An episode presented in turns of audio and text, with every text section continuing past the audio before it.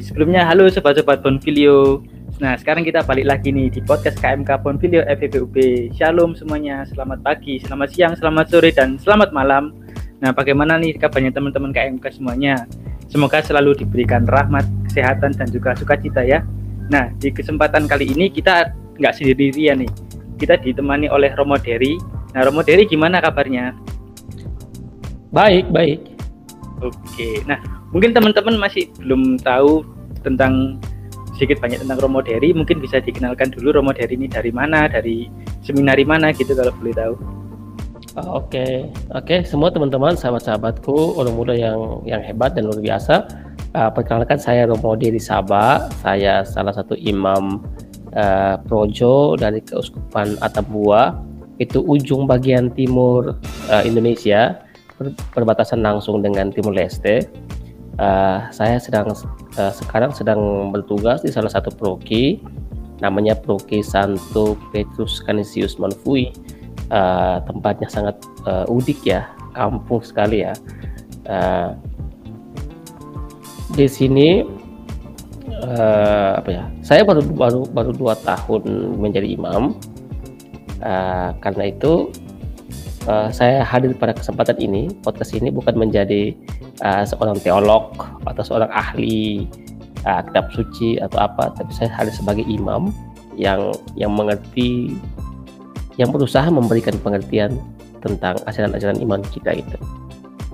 Oke, okay, uh, keseharian saya apa ya? Karena sekarang pandemi, jadi kayak misa itu dibatasi.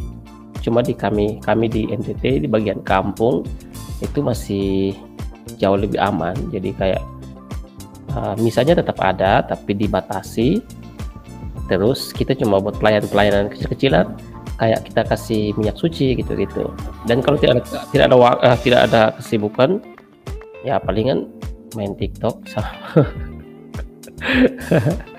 sama uh, apa main bola gitu-gitu aja. Deh. itu kesibukan saya sih. Oke okay, itu perkenalan saya Oke. Nah, kalau misalkan di parokinya Romo sendiri itu apakah ada kayak semacam misa online gitu atau kalau dekat oh. di Malang sini kan banyak sekali misa online, hampir semua gereja melaksanakan misa itu. Oh, tidak di di paroki saya tetap ada misa seperti biasa, offline kayak biasa. Lagi pula kami di kampung tidak semua punya HP kan. Jadi susah buat itu. Iya. Kalau misa online ini testimoni dari saya sendiri ya. Itu saya sering banget namanya ngantuk, namanya kebelet ya iya. kecil gitu. Tiba-tiba ada tamu kan kita nggak bisa nolak gitu ya kalau ada tamu. Diusir pulang sana mau misah gitu. Kendala yang paling menyebalkan sebetulnya ya iya sih sebenarnya. Semoga cepat pulih ya. Iya amin. Ya. Oke mungkin saya nggak sendirian di sini saya juga ditemani oleh Niko. Mungkin Niko bisa perkenalan diri dulu di. Uh, halo teman-teman semua, halo Romo. Ke, kenalin nama aku tuh Niko Situmorang uh, Angkatan Akuntansi 2020 biasa dipanggil Ocin. Kok bisa Ocin sih?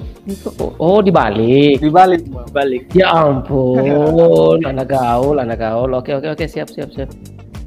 Oke. Nah, mungkin topik kita hari ini nih sebetulnya bisa dikatakan ya cukup sensitif ya, karena kami ini kan di kampus negeri ya, di mana kami ini sebagai bisa dikatakan sebagai minoritas ini seperti domba di kalangan serigala gitu ya.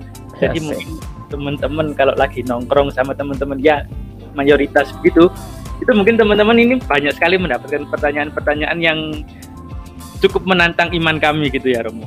Nah jadi ini saya itu sebelum podcast ini saya tempat-tempat nongkrong yang banyak bahas bahasa kamas sehingga saya bisa mengumpulkan banyak pertanyaan yang wah ini saya nggak bisa jawab waktu itu Romo jadi mungkin bisa saya tanyakan ke Romo supaya inspirasi gitu kalau misalkan ditanyain lagi ya. Nah, oke. Okay. Oke, mungkin saya mulai dari pertanyaan yang pertama ini, Romo. Oke, siap. Yesus itu kan sebagai Tuhan ya, Romo.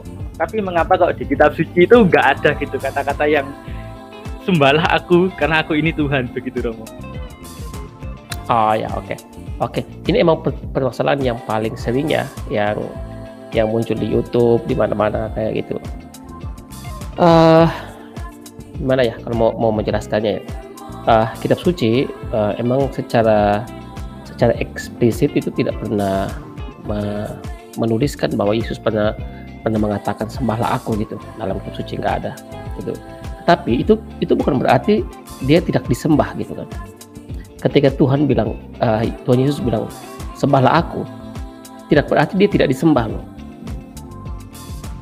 Kayak kayak kita kita bilang uh, kita boleh mengatakan pada diri kita bahwa tidak ada orang yang mencintai saya tapi bukan berarti tidak ada yang mencintai kita gitu kan jadi kalau kayak uh, bahasa suci itu biasanya karena karena ada sisi manusianya ditulis oleh manusia maka uh, ada keterbatasannya keterbatasan bahasanya. Jadi ini kalau mau, kalau mau dilihat dari sisi teologi, sisi imannya, inilah bukti keterbatasan manusia bahwa uh, ketika wahyu Tuhan mau ditulis dan dibahasakan dalam bahasa manusia itu ada keterbatasan. Itu. Jadi uh, emang perdebatan tentang Tuhan itu menurut saya adalah perdebatan paling paling buang-buang waktu ya menurut saya karena Tuhan tuh bukan untuk diperdebatkan Tuhan itu untuk diimani gitu jadi tapi kalau kalau untuk menjawab ya uh, kayak dalam kitab suci ada misalnya dalam dalam Lukas bab 17 ayat 11 sampai 19 ada kisah tentang seorang uh, dari 10 orang kusta yang disembuhkan Yesus itu. Ketika dia disembuhkan, ketika semuanya yang kesembilan pergi, dan bersuka cita dia yang satu orang itu kembali kepada Yesus dan tersungkur di kaki Yesus dan mengucap syukur kepadanya jadi kayak meskipun Tuhan Yesus Tuhan Yesus tidak mengatakan sembahlah aku tetapi orang itu melakukan tindakan penyembahan. Tersungkur bawah kaki Yesus itu itu tindakan penyembahan. Jadi kayak uh, tidak perlu seseorang meminta untuk disembah tapi kalau emang tindakannya patut disembah ya pasti akan disembah gitu kayak jadi uh,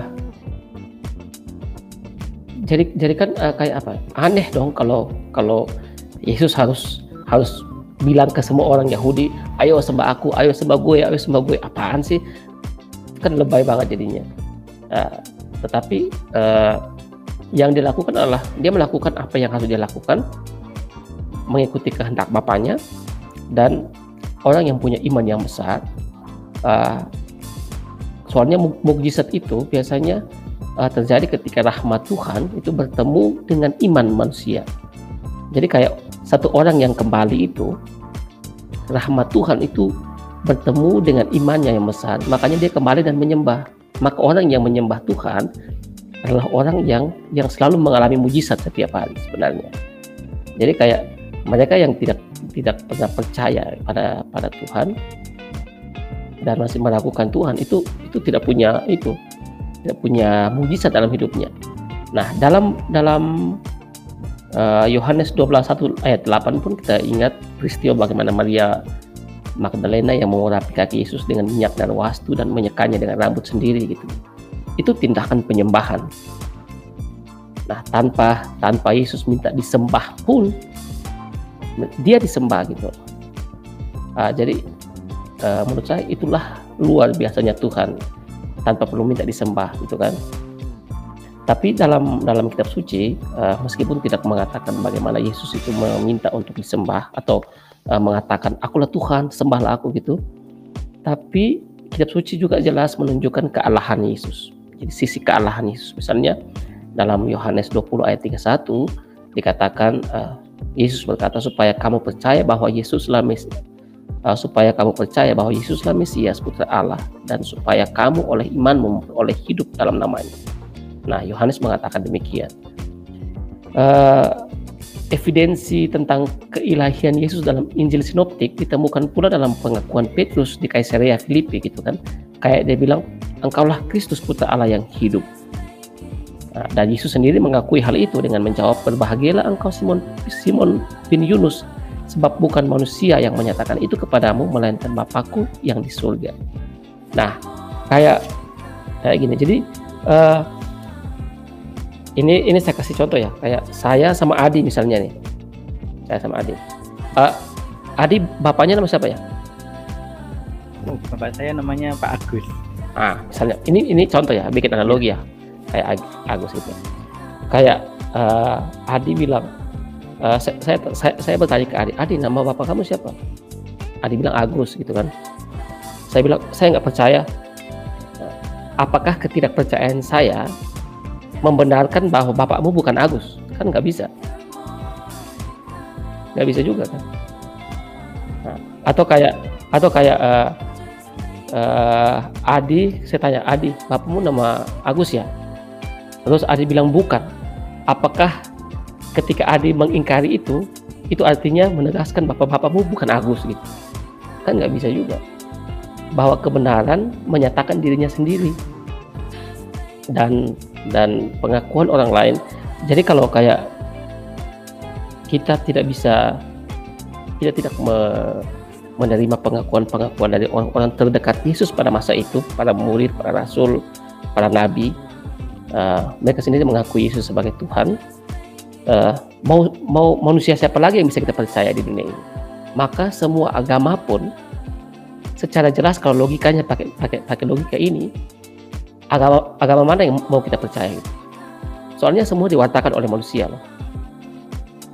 Nah, jadi kayak kayak logika banyak orang yang ketika mau menanyakan hal ini itu mereka selalu selalu selalu bilang uh, Tuhan harus turun langsung dan mengatakan saya Tuhan. Nah, padahal ajaran kita jelas loh. Uh, ada dua tradisi dalam kitab suci ya, yang mengatakan ada dua tradisi. Tradisi yang pertama tradisi Yahvista, Yahvista. Itu tradisi yang yang melihat Tuhan sebagai satu persona tinggi banget yang tidak bisa dicapai oleh manusia. Jadi kayak manusia tidak mungkin menggapai dia gitu. Sedangkan ada salah satu tradisi yang lain namanya tradisi Elohista itu yang menganggap Tuhan itu dekat dengan manusia. Jadi kayak kalau kita berusaha untuk untuk menarik Tuhan sangat-sangat dekat ke dalam logika kita, I mean that itu bukan Tuhan itu. Karena kalau kalau Tuhan itu Tuhan habis dipikirkan atau Tuhan habis didiskusikan, Tuhan habis diperdebatkan, I mean that that is not God. Bukan Tuhan gitu kan. Karena Tuhan tuh melampaui pikiran kita, melampaui akal budi kita, melampaui panca indera kita. Kayak seruan dari Santo Thomas Aquinas yang mengatakan iman yang menolong budi, indera tak mencukupi. Jadi kayak imanlah yang menolong budi kita jadi kayak sampai titik di mana kita nggak bisa lagi berpikir pakai pakai otak di situlah iman harus bekerja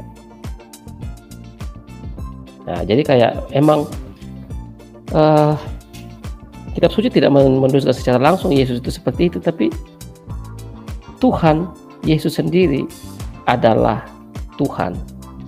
Bahwa dalam Yohanes bab 1 ayat 1 Injil Yohanes bab 1 ayat 1 ditulis dengan jelas pada mulanya adalah, adalah firman. Firman itu bersama-sama dengan Allah dan firman itu adalah Allah. Jadi kayak ya udah Tuhan itu Tuhan Yesus adalah Tuhan tanpa perlu dia meminta kita menyembah dia gitu. tapi dia sudah pantas disembah. Nah itu tapi kalau saya dulu ditanyain seperti itu saya itu sempat ngutip kitabnya eh kok kitab? Kisahnya Lazarus kalau nggak salah. Kan Lazarus ini kan dibangkitkan sama Yesus. Nah, waktu Yesus membangkitkan ini kan otomatis dia bermain-main dengan nyawa ya. Nah kalau misalkan bermain dengan nyawa berarti tidak ada yang bisa selain Tuhan. Maka itu tadi mungkin bisa menjadi jawaban bagi teman-teman yang lain mungkin ya. Uh, kayak apa? Aku uh, Yesus kan pernah bilang aku adalah jalan kebenaran dan hidup. Jadi kayak emang dia pemilik hidup. Jadi ketika ada yang mati dia dia punya dia punya kuasa untuk menghidupkan. Nah nggak ada nabi lain yang bisa kayak gitu. Itulah kenapa uh, ketika teman-teman kita yang dari non Katolik atau non Kristen mati-matian menganggap Yesus adalah nabi, kita kita tetap bersikeras Yesus adalah Tuhan karena dia melakukan hal-hal yang tidak biasa yang dilakukan oleh para nabi. Bahwa dia adalah jalan, kebenaran, dan hidup. Hidup, dia memiliki hidup, dia pemilik hidup. Makanya Lazarus bisa dibangkitkan. Oke. Okay. Oke. Nah, oh ya, kalau kalau dari pengalaman saya ya dulu itu sebetulnya saya juga pernah ngutip itu yang Yesus sebagai nabi itu juga dari agama sana kan ya nah itu sebetulnya saya juga mendapatkan kutipan dari Al-Quran sendiri dari kitab mereka sendiri ya bahwa Nabi Isa itu pernah merubah tanah menjadi burung begitu. Nah itu kan berarti kan juga bisa membuktikan sendiri bahwa mereka sebetulnya salah tapi saya juga nggak bisa menyalahkan takutnya kan nanti juga terjadi dan yang tidak perlu gitu Romo. Iya. Jadi kayak uh, kalau saran saya sih ya, emang emang teman-teman teman-teman di situ itu emang minoritas ya. Kalau kalau kami di NTT malah malah kami kami mayoritas gitu. Jadi kayak nggak ada yang mempersalahkan itu, nggak ada yang nanya-nanya itu. Jadi kayak uh, emang kalian perlu lebih sabar menghadapi orang-orang kayak gitu yang selalu berusaha untuk memancing kita berdebat soal ajaran iman. Jadi padahal ajaran iman bukan untuk diperdebatkan kan sudah saya bilang. Apaan sih kita? Kita kadang-kadang membuat sesuatu yang bukan masalah menjadi masalah. Nah itulah manusia, kompleksnya manusia di situ. Jadi kayak uh, mulai ke depan nih, mulai ke depan ya. Jika ada orang yang bicara seperti itu, uh, anggap saja dia orang bodoh. Hanya orang bodoh yang memakai otak untuk permasalahan iman. Permasalahan iman ya pakai iman, nggak pakai otak, nggak dapat nanti nggak ketemu. Gitu. Oke. Okay.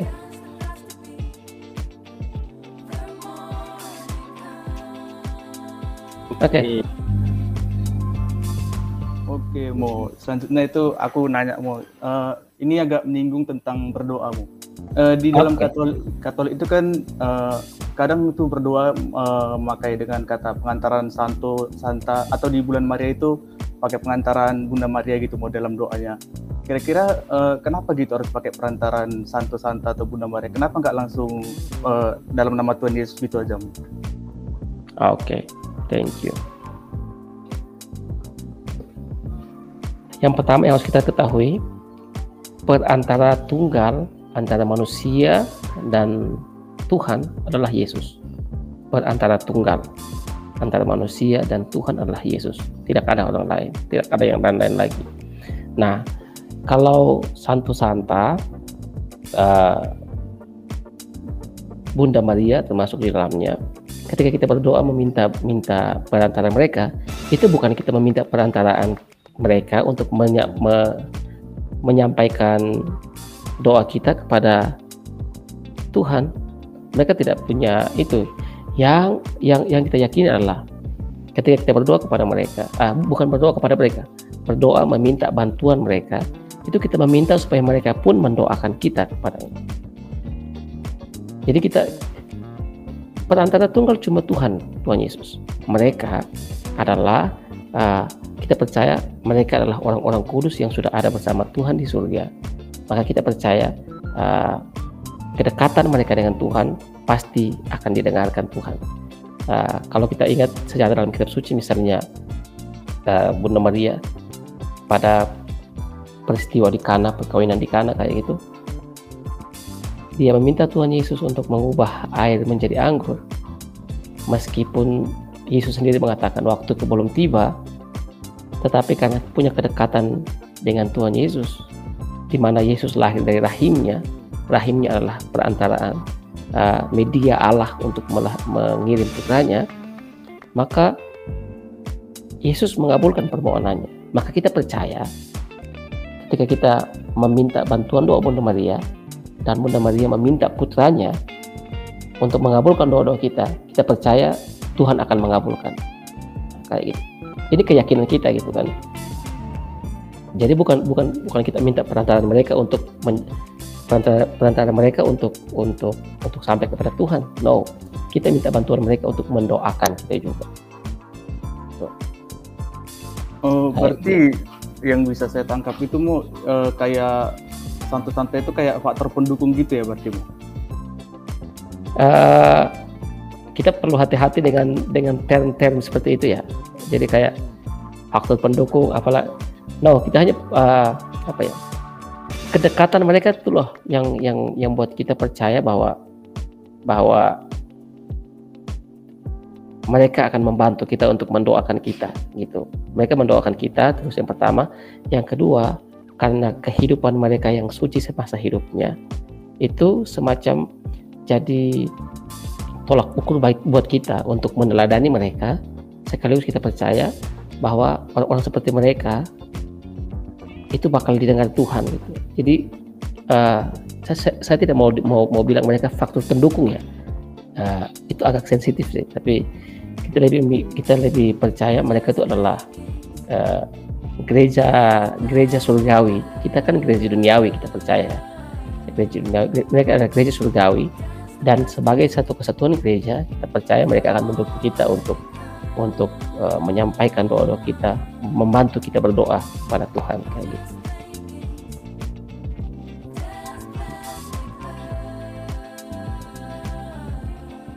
Jadi kayak uh, pada intinya adalah mereka tidak disembah kayak Tuhan.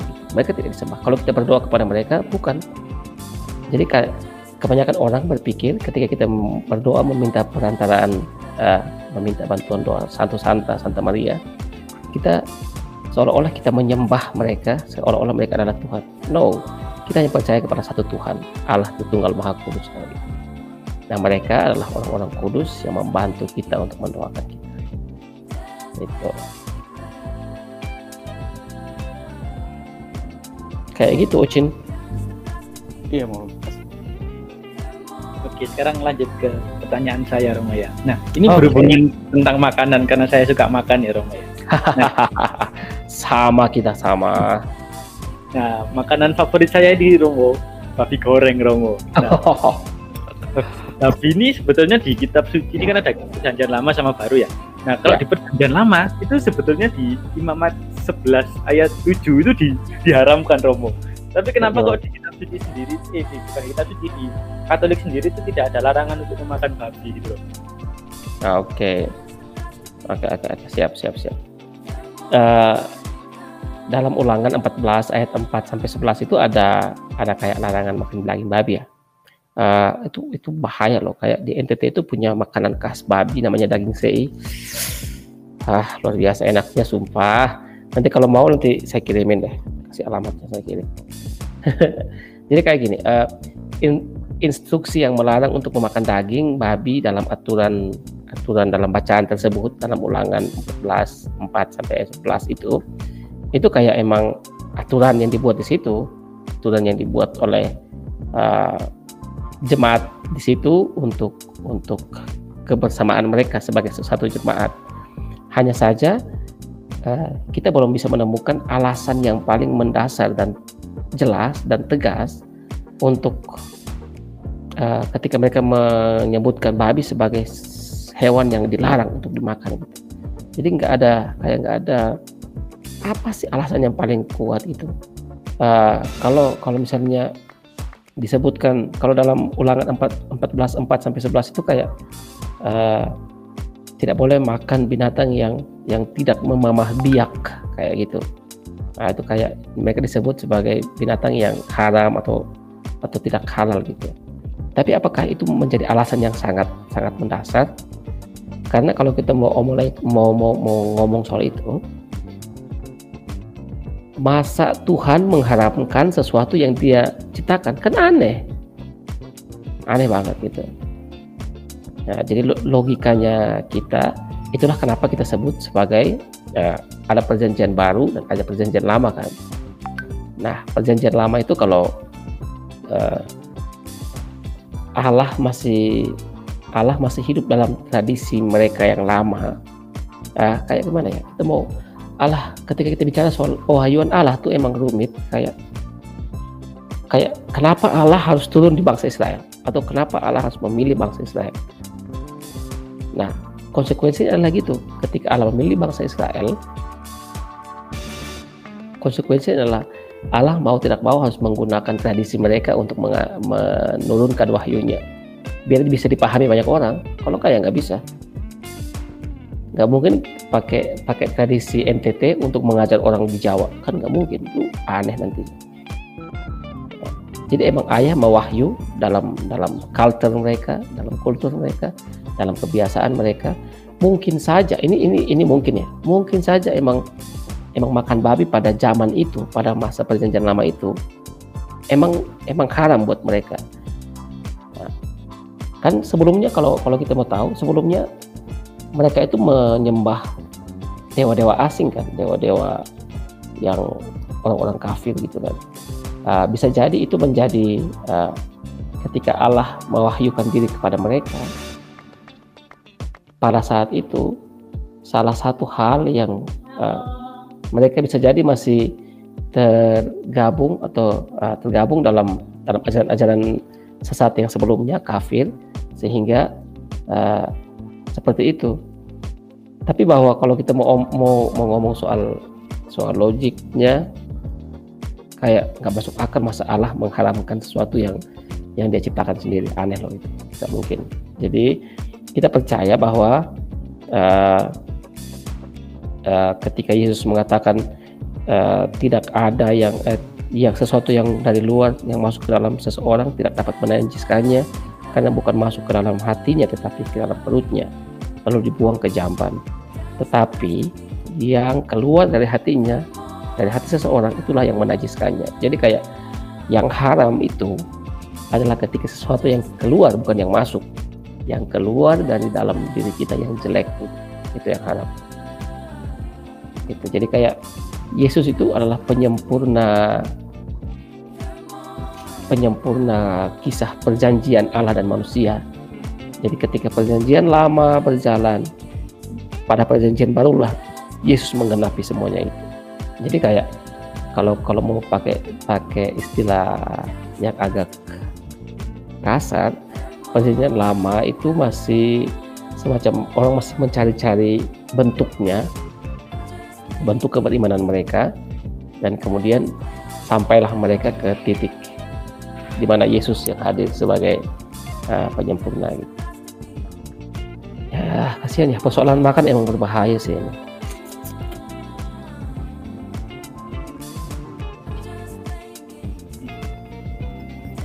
Menurut saya ya Romo ini terlepas dari kitab suci ya. Kalau misalkan hmm. misalkan apa barang konsumsi yang haram selain babi kan bisa jadi alkohol gitu ya. Kalau misalkan alkohol diharamkan saya masih masuk akal masih make sense karena orang yang kebanyakan minum alkohol kan mabuk. Biasanya kalau orang mabuk ini ngeselin Romo. Biasanya kalau ada masalah dikit ngajak berantem terus bisa jadi ke maksiat yang lebih jauh kayak seks bebas atau apa pun itu. Nah kalau misalkan babi kita misalkan kebanyakan makan babi bukannya malah sakit malah enak Romo ya. Kenyang gitu ya. Ya gitu.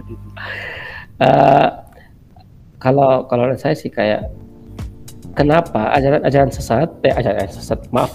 Kenapa ajaran-ajaran agama tidak mengharapkan hal-hal yang membuat manusia hancur? Tapi mereka kok kayak kayak tadi kayak emang benar. Uh, alkohol terus uh, nikotin narkoba kenapa bukan itu yang diharamkan oleh semua agama? Dan masih mempersoalkan uh, makanan lagi apaan sih? Itu kan ya ampun kayak kadang-kadang nggak masuk akal loh. Jadi ya, berhati-hatilah dengan orang-orang yang memberikan pertanyaan-pertanyaan seperti ini ya. Uh, dalam Roma Roma 14 ayat 7 uh, Paulus mengatakan dalam dalam Tuhan Yesus tidak ada sesuatu dalam hal ini makanan yang najis dari dirinya sendiri. Sebab kerajaan Allah bukanlah soal makanan dan minuman, tetapi soal kebenaran, damai sejahtera dan sukacita orang kudus. Jadi Rasul Paulus menegaskan itu. Uh, dan dalam uh, kisah para Rasul 10 ayat 15, Rasul Petrus pun mengalami penglihatan bagaimana Allah tidak menyatakan makanan apa pun sebagai haram apa yang dinyatakan halal oleh Allah tidak boleh engkau nyatakan haram itu dikatakan jelas oleh oleh Petrus jadi kayak ah persetan lah mereka mau ngomong apa Oke baik Ini kalau misalkan saya hidup mau... babi, hidup babi, hidup babi, makan babi. Siap, enak soalnya Romo babi. Ya. Enak, enak emang enak. Banget Nah, ini kalau misalkan saya merepresentasikan saya sebagai Tuhan gitu ya misalkan ini sedikit gimana gitu ya kalau misalkan okay. saya bikin makhluk gitu bikin makhluk terus sama makhluk yang lainnya. Makhluk yang saya buat ini diharamkan ya saya sakit hati gitu Romo sebagai orang yang menciptakan itu. Nah. Ya seperti itu sih. Ya iya kayak gitu kan lucu gitu ya lucu gemuk lucu-lucu gitu enak. Kok diharamkan kan jadi sakit hati gitu saya sebagai pencipta gitu. jadi saya belum masuk menghujat Tuhan itu gimana? Eh dulu dulu ada ada ada satu kayak ada ada, ada satu film ya film judulnya Babe kalau nggak salah ya soal soal uh, tentang seekor babi yang diasingkan oleh tapi dia kemudian menjadi menjadi babi yang berprestasi dan me, uh, baik buat semua lingkungannya. Kayak mungkin itu orang-orang sedang mengangkat fenomena bagaimana babi diharamkan kali ya. Iya itu ya. secara secara tersirat maknanya seperti itu mungkin. Iya. Okay. babi. Babi jadi pengen ini habis ini saya mau beli babi nih makan kenyang oke mungkin Ocin mau menambahkan pertanyaan lagi nih sepertinya saya lihat-lihat. Oke, terima kasih Mas Adi. Uh, selanjutnya itu mau uh, aku agak menyinggung sedikit tentang perjanjian lama gitu. Uh, waktu perjanjian lama itu kan tentang kisah Abraham yang mengorbankan anaknya itu uh, Allah sendiri menguji uh, kesetiaan Abraham dengan mengorbankan anaknya. Namun uh, Allah itu tidak di ujung di akhir itu Allah tidak membatalkan membatalkan perjanjiannya itu tentang pengorbanan anaknya. Tapi uh, di perjanjian baru itu kenapa Allah itu sendiri mau mengorbankan putranya Yesus Kristus untuk menebus dosa-dosa kita manusia? Oke, okay, nice question, keren. Oke, okay, jadi kayak uh, pada perjanjian lama uh, korban itu itu itu sudah sudah ada dalam dalam pemahaman tentang korban sudah ada sejak dalam perjanjian lama uh, yang kita perlu pahami dengan baik adalah makna pengorbanan diri Kristus bagi keselamatan kita umat manusia. Jadi kayak sebenarnya Allah tuh Allah tuh tidak tidak membutuhkan pengorbanan dari manusia sebenarnya sebenarnya nggak butuh. Coba dia cuma menguji iman manusia. Jadi kayak ketika dia meminta Abraham untuk mengorbankan Ishak anaknya, itu Allah menguji manusia, menguji manusia. Untuk untuk uh, tahu seberapa seberapa besar uh, manusia mencintai mencintai Allah. Kan uh, dalam dalam kitab suci kita pernah mendengarkan barang siapa yang kehilangan nyawanya demi aku ia akan beroleh keselamatan. Kayak gitu kan. Jadi emang uh, pengujian ini ini hal yang paling penting yang mau saya, mau saya sampaikan kepada teman-teman semua ya. Cara Allah menguji iman manusia adalah dengan uh, sebuah kehilangan gitu. Kehilangan. Jadi kehilangan itu adalah hal yang paling ditakuti manusia di dunia ini. Siapa pun dia paling takut kehilangan. Nah itulah cara Allah menguji manusia imannya. Bahwa ketika uh, setiap orang berani kehilangan demi Tuhan, Tuhan Tuhan percaya uh, Tuhan akan melihat dia sebagai orang yang spesial. Maka ketika Abraham itu anak-anak yang dia dapat, anak satu-satunya yang dia dapat di ujung ujung masa hidupnya loh sebenarnya. Nah, ketika Allah menguji menguji dia untuk mengorbankan Ishak, dia mau loh itu. Itu betapa betapa besar kesetiaannya dia. Itu itu kita mau lihat ke arah situ ya. Betapa besar kesetiaannya dia gitu. Uh, sampai sampai dia mau. Nah ketika dalam dalam perjanjian baru ketika Yesus mengorbankan diri Yesus pun mau menunjukkan kepada manusia betapa dia itu setia kepada kehendak Bapa. Nah, jadi bukan bukan Allah bukan Allah begitu tega untuk me, menyerahkan putranya gitu. Bukan Allah tega. Jadi kalau korban dalam perjanjian lama dan pada perjanjian baru itu ada ada perbedaan. Uh, kayak dalam bahasa Inggris ini soal soal kata ya korban dalam bahasa Inggris itu kan victim. Itu tapi berbeda dengan dengan arti kata sacrifice gitu. Kalau kalau dalam bacaan uh, dalam perjanjian lama kebanyakan korban yang dilakukan oleh manusia itu korban secara victim victim artinya kita uh, korban sebagai apa ya mana kalau mau saya pengorbanan sebagai sebagai korban dosa kita. Jadi korban yang kita buat adalah untuk untuk silih dosa-dosa kita. Nah, jadi kita melakukan segala sesuatu, melakukan segala sesuatu untuk berkorban itu kita melakukan demi demi penghapusan dosa-dosa kita. Sedangkan yang dilakukan oleh Tuhan Yesus itu adalah sacrifice, adalah pengorbanan yang didasarkan oleh cinta. Ya, jadi jadi Tuhan Tuhan ketika dia berkorban dia tidak menuntut apa-apa. Nah, kalau kita secara secara uh, implisit di dalamnya sebenarnya ketika kita mau berkorban kita berbuat baik secara tidak langsung ya. Ini saya mau uh, mau ngomong supaya kita masing-masing introspeksi diri. Sebenarnya kita ketika kita buat baik kepada seseorang itu secara tidak langsung dalam diri kita kita mau supaya kita pun mendapatkan perbuatan baik dari orang tersebut. Jadi kayak minta balas balas jasa kayak gitu. Nah itulah yang terjadi pada Abraham sebenarnya. Ketika dia men mau menyerahkan itu dia tahu ketika dia menyerahkan itu kepada Tuhan, dia tahu Tuhan akan memberikan apa pun untuk untuk dia.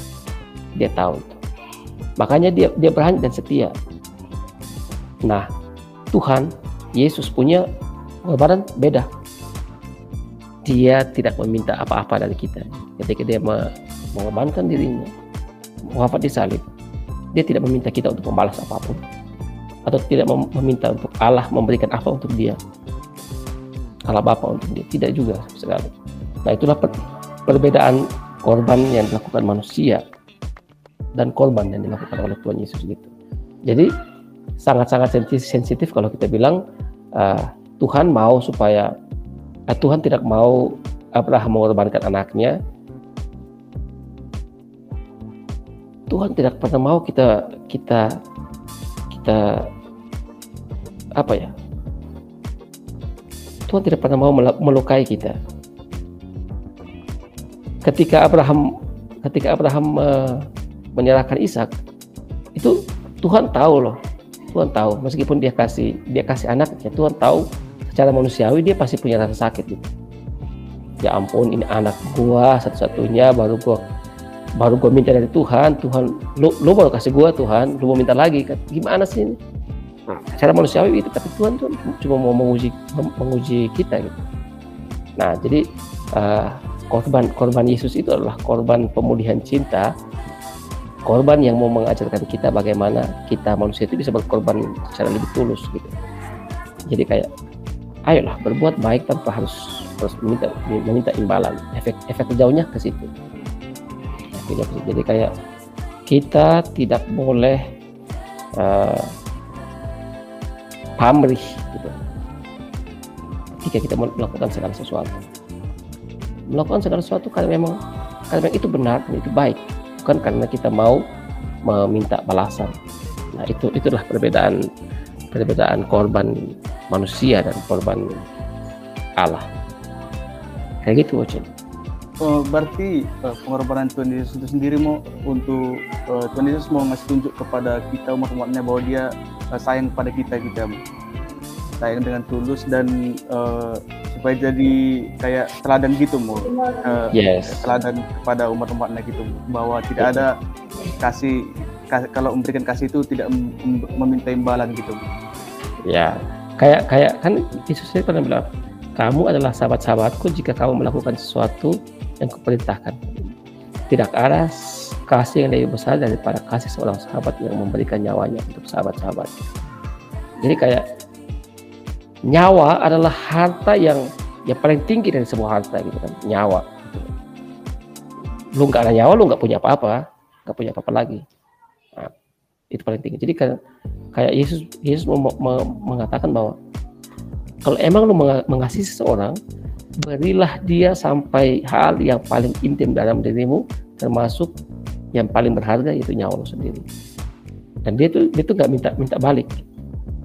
Nah kita uh, menurut saya banyak banyak doa kita pun uh, banyak orang yang kayak kayak kayak gini. Banyak yang ngeluh. Romo kok saya doa berkali-kali novena devosi tapi kok nggak terkabul ya?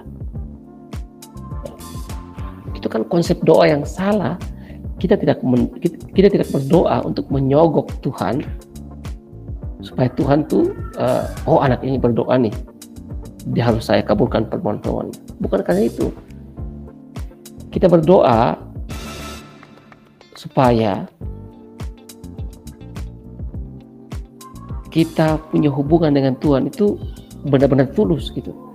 Bahwa ketika kita tidak punya apa-apa bahwa bahwa sampai di titik yang paling paling susah kita, kita tidak pernah mau kehilangan Tuhan. Nah itulah itulah kenapa uh, Yesus mau mengorbankan dirinya buat kita. Jadi banyak kali dia berkorban untuk banyak orang berkorban berkorban. Kalau kalau kita baca kitab uh, di Injil Yesus mengorbankan tenaganya, mengorbankan banyak hal untuk orang-orang ini Israel, orang-orang Yahudi yang mengikuti dia. Dan pada akhirnya dia mengorbankan nyawanya, gitu. Jadi sampai memberi sampai yang paling habis. Jadi kalau anak-anak muda zaman sekarang, ketika dia mengatakan aku mencintai engkau, bullshit kalau dia tidak menyerahkan seluruh dirinya untuk orang itu. Oh, sorry, bullshit ya. Sorry. Ya, nggak apa-apa ya. Sorry, sorry, maaf. Romo gaul, romo gaul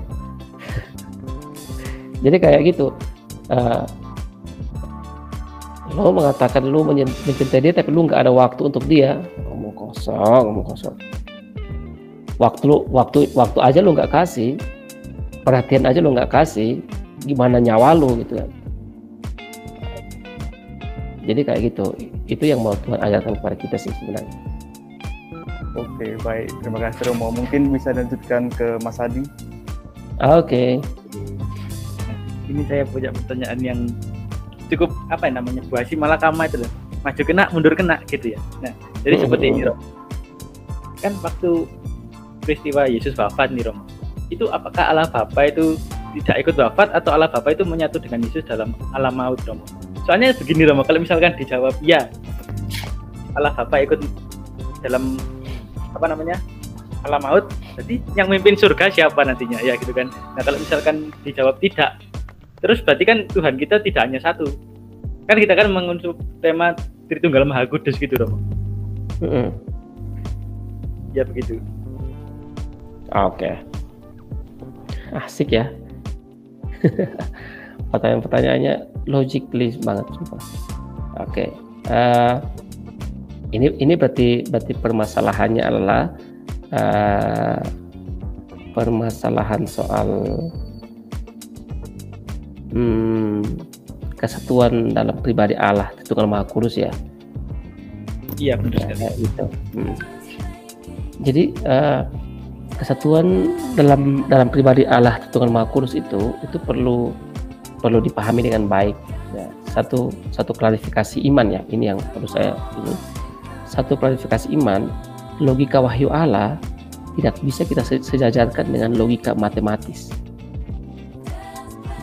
dan logika pemahaman manusia gitu loh. Nah, jadi kita jangan jangan mereduksi wahyu Allah dengan jebakan pikiran kita. Kadang-kadang kita menjebak wahyu Allah ke dalam pikiran kita sendiri kayak mungkin kayak kita belajar matematika, belajar logika. Jadi kayak kita memasukkan persoalan Allah pun ke dalam logika kita. Nah, jadi kalau saya selalu mau kalau kalau ketika ada orang bertanya, saya selalu melihat itu melihatnya sebagai uh, Kenapa pertanyaan ini yang muncul? Berarti ada satu landasan prasangka terlebih dahulu yang mendorong dia untuk bertanya tentang ini.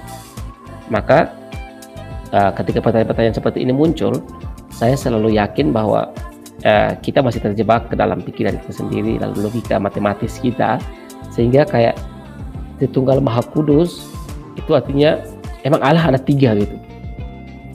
Nah, karena Tritunggal tiga dong berarti ada ada tiga Allah berarti kalau menurut kita. Nah itu perhitungan matematis gitu. Tapi logika wahyu Allah tidak bisa kita sejajarkan seperti itu. Thomas Aquinas kan mengatakan prestet fides supplementum sensum defectui iman yang menolong budi indah tak mencukupi. Kapasitas pengenalan dan pemahaman manusia selalu tidak bisa menampung segala kekayaan wahyu Allah pertanyaan ini ini sebenarnya berangkat dari logika pemahaman manusia tentang kesatuan Bapa dan Yesus gitu jadi kesatuan ini bukan kesatuan yang dipahami secara terbatas oleh manusia. Jika Yesus wafat di salib, berarti Allah juga wafat karena mereka satu. Ini jelas sesat nalar ya. Kalau saya mau katakan ini jelas uh, sesat nalar gitu. Jadi ini ini logika yang keliru yang dipasang untuk memahami kesatuan yang bersifat kodrati. Kematian Yesus sebagai Allah menjelma menjadi manusia tidak serta-merta dipahami sebagai satu dan sama dengan pribadi Allah Bapa dan Roh Kudus. Yang bisa mati hanyalah makhluk yang hidup dalam sejarah kesementaraan, ruang dan waktu yang terbatas kayak gitu. Jadi Yesus yang wafat adalah Allah yang masuk dalam sejarah manusia untuk menebus manusia dari segala dosa dan kesalahannya. Gitu. Jadi uh, kalau dalam pelajaran pelajaran kristologi nanti kita akan uh, teman-teman akan kristologi itu adalah ilmu tentang Kristus uh, teman-teman akan akan menemukan istilah Yesus historis dan Kristus Tuhan gitu jadi ketika selama hidupnya di dunia ini uh, Allah yang mau yang mau menebus manusia karena karena Allah itu jauh dari kita. Dia bukan manusia, dia bukan dia bukan makhluk ciptaan. Tapi karena dia mau menebus manusia, mau tidak mau seperti yang saya bilang tadi, dia harus masuk ke dalam dunia manusia. Maka dia mewahyukan diri dalam diri Yesus historis, Yesus sejarah gitu. Nah ini nanti ada salah satu filsuf yang bicara soal ini ya Whitehead ya tentang uh, Allah itu berproses kayak gitu itu emang rumit sih kalau kita mau kalau sudah sampai filsuf-filsuf rumit banget sumpah jadi kayak uh, Allah ketika Yesus wafat itu tidak mematikan mematikan kealahannya dia tidak mematikan uh, Allah yang sesungguhnya itu adalah uh, manusianya, sisi kemanusiaannya yang mati. Jadi kayak Tuhan Tuhan Allah pada saat penebusan manusia, dia mau tidak mau karena yang mau, mau ditebus adalah manusia, maka mau tidak mau dia harus mengambil sisi kemanusiaan. Mau tidak mau. Karena gimana mau dipahami? Kita sendiri nggak tahu bahasa Tuhan itu apa kita sendiri nggak tahu uh, ketika Allah Allah berfirman kepada para nabi misalnya ya mau tidak mau Allah harus berfirman menggunakan bahasa mereka kayak gitu maka ketika ketika Allah mau menebus manusia ya mau tidak mau Allah pun harus masuk ke dalam dunia manusia. Dalam dunia manusia. Jadi kayak uh, dan itu nyata dalam diri Yesus Kristus.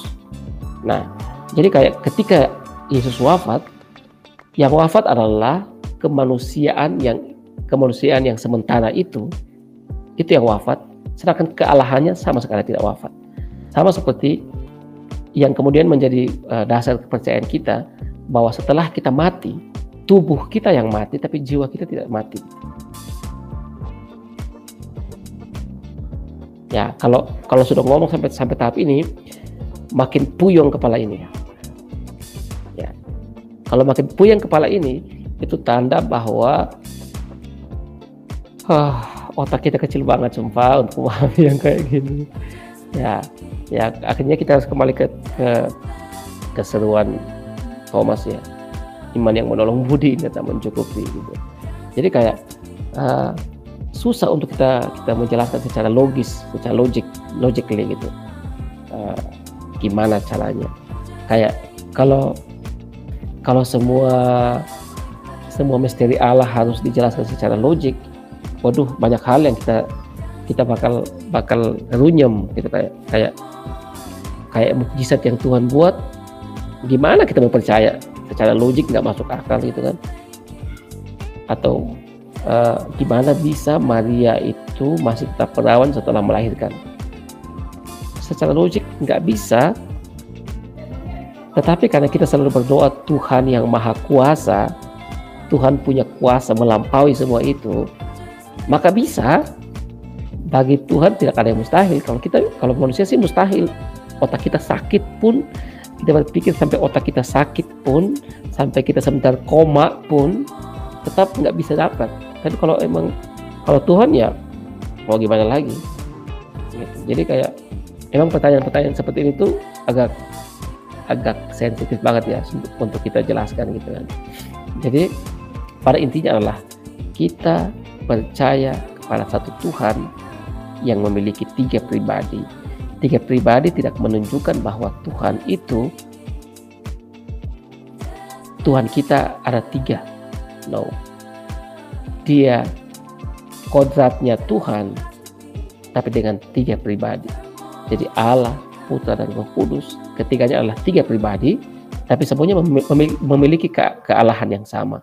Dulu uh, salah satu awam Katolik yang rajin baca kitab suci, dia pernah memberikan kami pengajaran gini. Ana analoginya agak sedikit berbahaya tapi uh, ya sudahlah kita percaya aja. Uh, saya dengar aja kayak gitu. Jadi dia tuh mengatakan begini. Dia mengatakan Allah Allah punya sabda itulah Yesus. Apa yang dia ucapkan, apa yang dia sabdakan, itulah Yesus. Makanya, makanya pada mulanya adalah sabda, sabda itu bersama-sama dengan Allah dan sabda itu adalah Allah. Jadi kayak uh, apa yang dia sabdakan itulah yang menjadi Yesus yang kemudian dalam perjanjian baru menjadi manusia. Sabdanya itu nyata menjadi manusia. Makanya dalam doa san, uh, doa Angelus kita bilang sabda telah menjadi manusia dan tinggal di antara kita kan. Nah kayak gitu. Jadi itu sabda yang diucapkan Allah sabda yang dihembuskan Allah dan kemudian menjadi manusia eh jadi sabda sabda dari sabda Allah itulah putranya. Sama kayak kita kalau, kalau logika manusia kita adalah apa yang kita pikirkan. Nggak bisa lain. Jadi ketika ide kita itu menggambarkan siapa kita sebenarnya. Jadi kayak logika dari si awam itu dia bilang uh, ide Allah adalah putranya adalah Allah itu sendiri. Jadi kayak emang berbahaya sih ini. Tapi uh, sudahlah kita kita berusaha mengikuti logikanya. Jadi kalau uh, apa yang disabdakan Allah itu itulah putra dan dan hembusan Allah itulah Roh Kudus. Jadi kayak semua berasal dari Allah jadi dia adalah Allah gitu. Ada lagi yang pernah kasih analogi uh, manusia melahirkan manusia. Maka Allah anak Allah pasti datang dari Allah. Jadi punya hakikat yang sama. Ya berbahaya sih tapi uh, saya tidak mau mau terikat pada terikat pada logika-logika manusia itu. Saya tetap mau percaya bahwa Allah punya misterinya sendiri gitu yang yang nggak bisa kita pecahkan itu bahwa gereja Katolik percaya kita punya satu Allah dengan tiga pribadi. Jadi kayak ketika wafat uh, Yesus mati di kayu salib secara kasar ya ini ini, ini berbahaya tapi agak, agak kalau mau, mau saya katakan agak kasar Yesusnya yang mati tapi putra Allahnya nggak mati kayak gitu. Jadi kayak putra Allahnya nggak mati. Jadi Allah jadi Allah nggak pernah mati gitu. Allah adalah hidup. Kan Yesus Yesus sendiri mengatakan aku adalah jalan kebenaran dan hidup. Jadi Yesus Yesus manusianya yang mati tapi Allahnya nggak pernah mati. Kayak gitu. Emang ini sulit untuk kita ini apalagi apalagi kita yang hidup di zaman yang serba maju serba punya bu serba butuh bukti serba butuh logika bakal susah untuk masuk ke kepala kita. Oke, kayak gitu sih.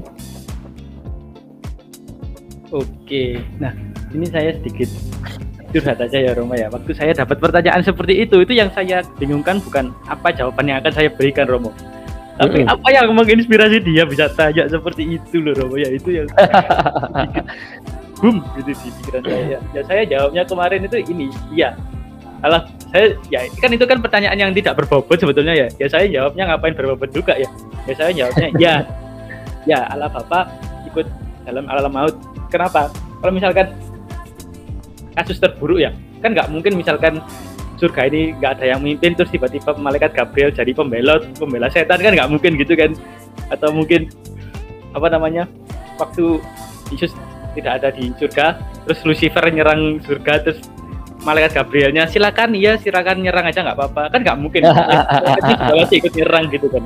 Ya saya jawabnya seperti itu. Soalnya jadi tadi saya juga sebetulnya bingung mau jawab gimana. Soalnya kan itu rahasia ilahi ya rahasia ilahi.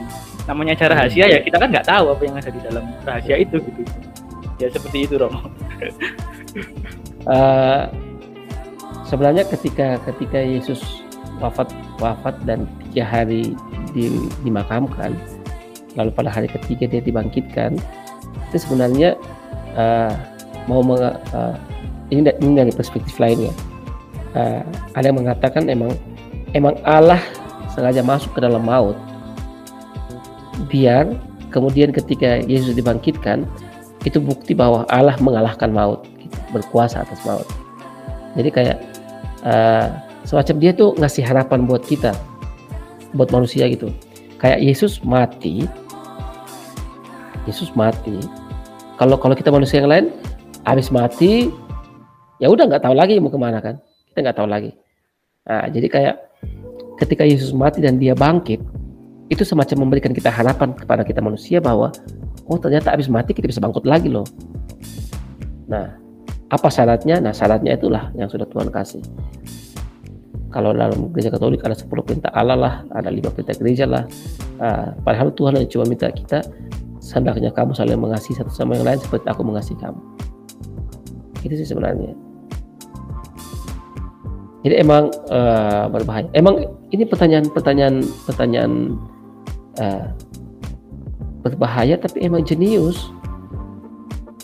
Iya. Kan logik logiknya bagus banget itu loh. Itu logiknya bagus bagus banget. Jadi kayak kalau emang kita balasnya pakai logik itu kalau benar eh, kalau memuaskan logikanya kita kita senang syukur. Kalau nggak memuaskan logikanya kita hancur. Kalau kita kita jelaskannya pakai iman malah beda jalur. Nah, jadi kan kayak logik nggak bisa dong pakai iman nggak bisa nggak bisa itu kayak itu nah jadi kalau apalagi kalau yang bertanya itu orang dengan keyakinan lain gitu jadi mereka hanya menanyakan bukan untuk di, untuk mengimani mereka cuma menanyakan untuk memuaskan uh, kehausan logika mereka gitu sebenarnya jadi pertanyaan saja latar belakangnya sudah beda ya ini bukan untuk mendapat iya. tapi untuk menjebak sebetulnya menjebak saya iya. gitu sebetulnya sebenarnya begitu iya. ya walaupun tidak tidak masuk akal kalau dibandingkan sama kitab suci tapi itu sangat merusak iman saya sebetulnya waktu itu sampai saya ha harusnya harusnya dia merusak merusak logikamu jangan merusak imanmu dong Oh iya boleh kalau itu ya, ya. itu logika saya. Ya. Jadi kayak itu kan perba, itu kan pertempuran logika sebenarnya, pertempuran iman. Iman tuh iman tuh langsung uh, kalau kalau dalam dalam kamus uh, bukan kamus ya dalam pengertian Katolik iman itu adalah tanggapan manusia terhadap rahmat Allah. Jadi emang iman tuh langsung ke sana, nggak nggak lewat samping-samping, langsung ke sana iman. Jadi uh, lu mau ngomong apa iman gua kalau sudah ke sana ya ke sana aja aja nah sering kita ragu itu karena pikiran kita bukan iman kita sebenarnya ya kasihan sekali ya iman kita ya sejauh ini masih masih sering dipengaruhi oleh pikiran kita sih. Pikiran sama perasaan kita kalau. Iya memang lu ya Romo kayak kita hancur itu bukan karena orang lain tapi mungkin karena diri kita sendiri ya iya. Musuh musuh terbesar ya diri kita sendiri. Mau siapa lagi? Ya. oke ya. Sebelum sebelumnya terima kasih banyak Romo atas segala ilmu dan edukasi yang sudah diberikan ini. Mungkin ini bisa menjadi tameng ya menjadi perisai iman kita kalau misalkan yang kami kami ini di di kalangan para serigala gitu dong bicaranya. yeah. uh, Oke, okay. kalau kalau saya sih sering sering sering ditanyakan kayak gitu. Jadi kalau kalau ditanyakan kayak gitu sampai titik di mana saya nggak bisa menjelaskan lagi, saya bilang lo gila ya. Nanya nggak jelas. Apalagi apalagi kalau yang yang bertanya itu orang Katolik. Ya lu nggak beriman aja lu masih nanya-nanya. Gila ya lo kayak kayak malas loh. Kayak orang berdebat untuk untuk hal hal yang intim antara manusia dan Tuhan tuh kayak lu ikut campur banget sih. Kenapa orang kenapa orang tidak bertanya kepada Tuhannya ya kalau emang kalau emang dia per, dia dia percaya bahwa Tuhan tuh maha tahu kenapa mereka mereka nggak tanya pada Tuhan mereka gitu kenapa gereja Katolik itu kayak gini gini gini gini Tuhannya menjelaskan apa loh nggak tahu kali ya aneh banget kita Ya, dulu saya juga sempat jawab seperti itu Romo.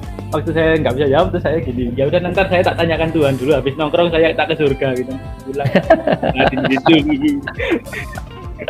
asik Oke ya. Ya sebelumnya terima kasih banyak ya Romo atas segala ilmu ini bermanfaat sekali bagi kami ini. amin thank you Mungkin nanti di podcast podcast selanjutnya kami bisa mengundang Romo lagi ya mungkin. oh dengan senang hati dengan senang Oh, hati siap kalau begitu. Oke, mungkin itu dulu dari kami. Sebelumnya salam sehat buat Romo ya, Romo. Soalnya sekarang oke lagi oke parah-parahnya ini varian Delta. siap siap maaf ma- maaf juga ya kalau kalau penjelasan saya malah me- menyesatkan malah membuat kalian makin goyah imannya. Uh, sudah saya sudah saya bilang sejak awal saya bukan seorang teolog bukan seorang ahli kitab suci cuma itulah yang saya pahami tentang ini keterbatasan saya gitu loh Oke, terima kasih Romo. oke